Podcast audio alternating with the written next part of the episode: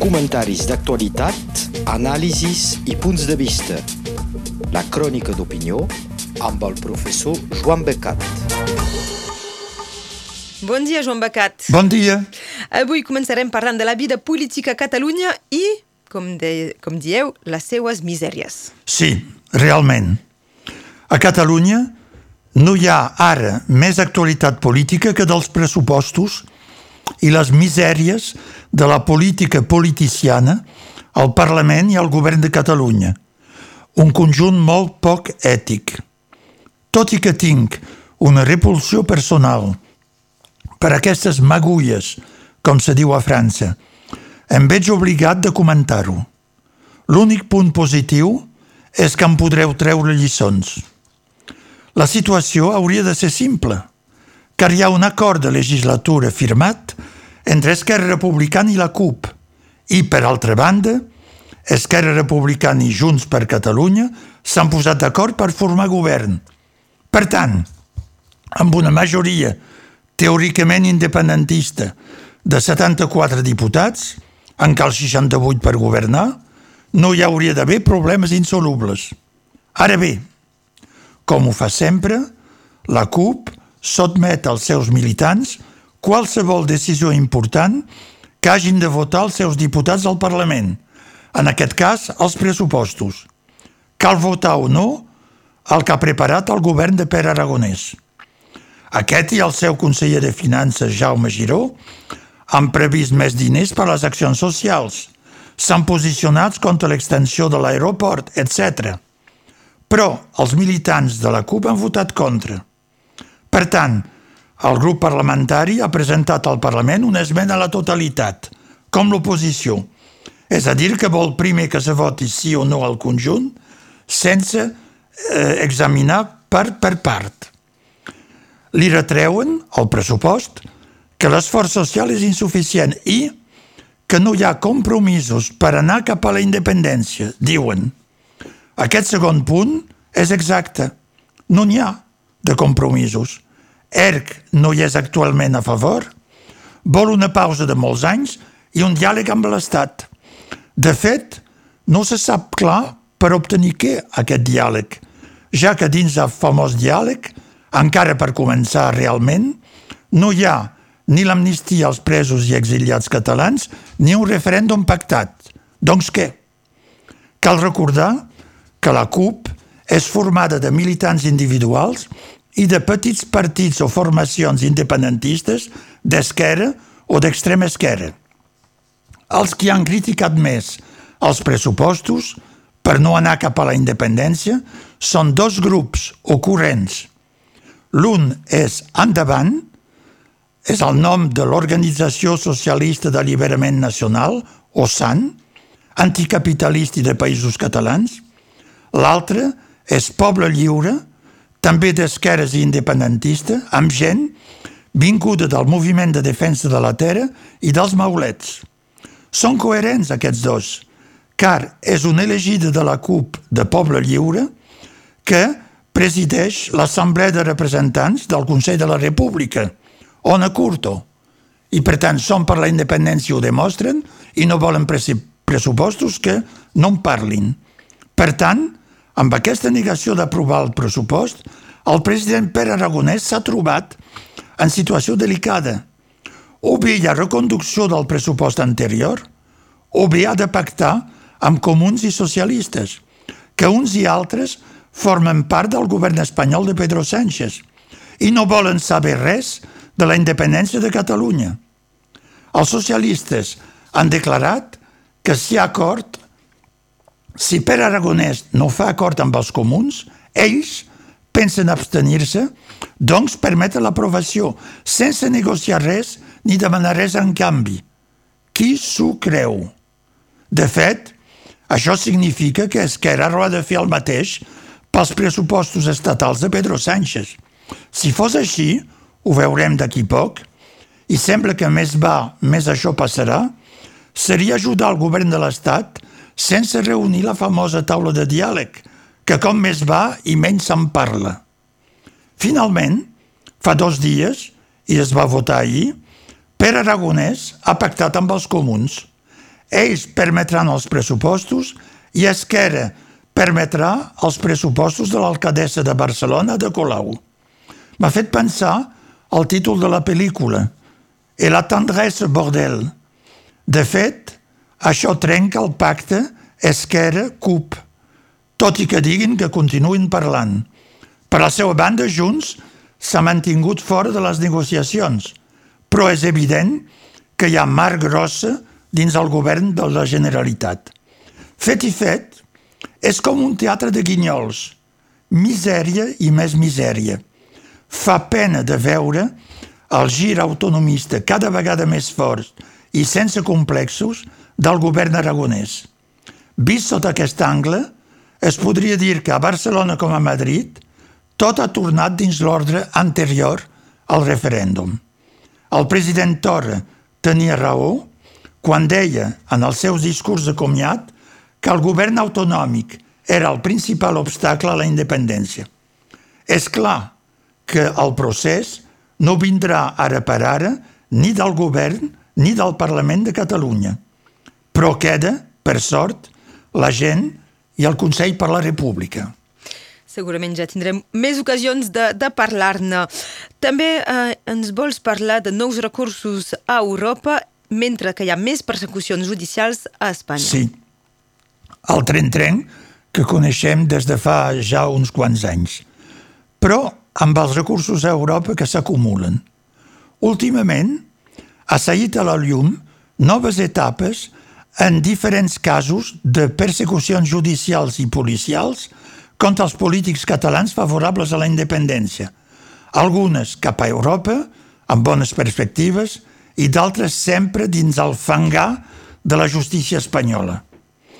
La primera notícia concerneix Francesc Homs, que va ser conseller de la presidència del govern d'Artur Mas i va ser condemnat amb ell per la justícia espanyola per haver organitzat la consulta del 9 de novembre del 2014, fa doncs set anys, sobre la independència de Catalunya.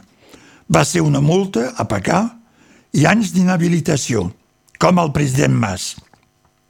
Després de set anys dels fets i de l'acusació, finalment, el Tribunal Constitucional ha confirmat la sentència, cosa que permet a Francesc Homs de portar el seu cas al Tribunal Europeu, ja que ha aixugat totes les vies espanyoles, al Tribunal de Drets Humans d'Estrasburg, per violació d'aquests drets pel Tribunal Suprem espanyol i per ús polític a Espanya dels tribunals, sense comptar amb el no respecte del Tribunal Suprem pel seu propi dret penal, cosa que li és habitual. Un altre cas, doncs, que comença el recorregut jurídic europeu. La segona notícia concerneix el president Jordi Pujol, expresident de la Generalitat, acusat amb membres de la seva família des de també el 2014 no és coincidència, acusat de corrupció i de diversos delictes financers. Alguns remunten al seu pare i a l'època franquista, imagineu. Sembla cert que les acusacions tenen fonament, però és cert també que el cas va ser obert amb molta publicitat per finalitats polítiques, no judicials, per debilitar l'independentisme que creixia en aquest moment al moment de la consulta del 9 de novembre i del pas de Convergència a l'independentisme. Calia embrutir. Doncs fa set anys i quatre anys que la Guàrdia Civil va requisar tots els ordenadors, telèfons i documents de tota la família Pujol. Els seus advocats, de Jordi Pujol, van finalment obtenir el retorn de tot el que es va confiscar i prendre. Però Resulta, en ple Madrid, de dia, a un semàfor d'un boulevard de Madrid ple de cotxes, que la furgoneta de distribució de paquets que portava tot això cap a Barcelona va ser atracada per quatre homes encaputxats a punta de pistola. Se li van emportar la, carbon la camioneta i se la va trobar incendiada en un descampat, en terreny vaga amb tot el que contenia, de Pujol i dels altres. El president Pujol ha dit a la premsa que creia que era la pròpia policia espanyola l'autora de l'atracament per destruir documents i elements que tenia ell i que comprometen Espanya i els seus polítics. És l'opinió de bastanta gent a Catalunya. Doncs, Far West assegurat. La tercera i última notícia que vull destacar és contra Josep Lluís Alai, que hem sentit fa poc a una conferència que va fer al Cinema Castellet de Perpinyà. Us en recordeu, veieu. Ara, aguanteu-vos. La justícia espanyola li vol posar 3 anys de presó i 17 anys d'inhabilitació, 17, per un viatge que va fer a Nova Caledònia el 2018 per un total de 4.000 euros.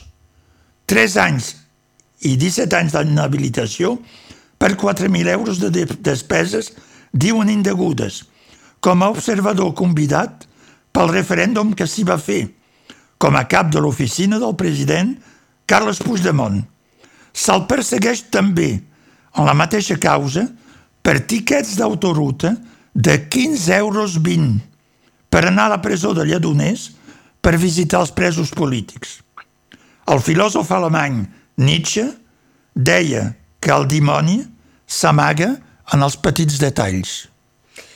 I acabarem uh, molt ràpidament parlant d'un tema del qual parlem molt poc sovint a les notícies, la Covid-19, perquè sempre entre nosaltres hi penses per temps. Sí, en parlem uh, a Perpinyà, en parleu, però feia temps que no, que no parlava jo del coronavirus en aquesta crònica, com si la contagió, els morts, els vacunats i els que són contra.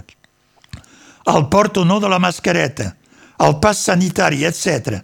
Com aquestes coses, finalment secundària, fos un joc acostumat on passa primer les polèmiques i no pas la malaltia i el contagi.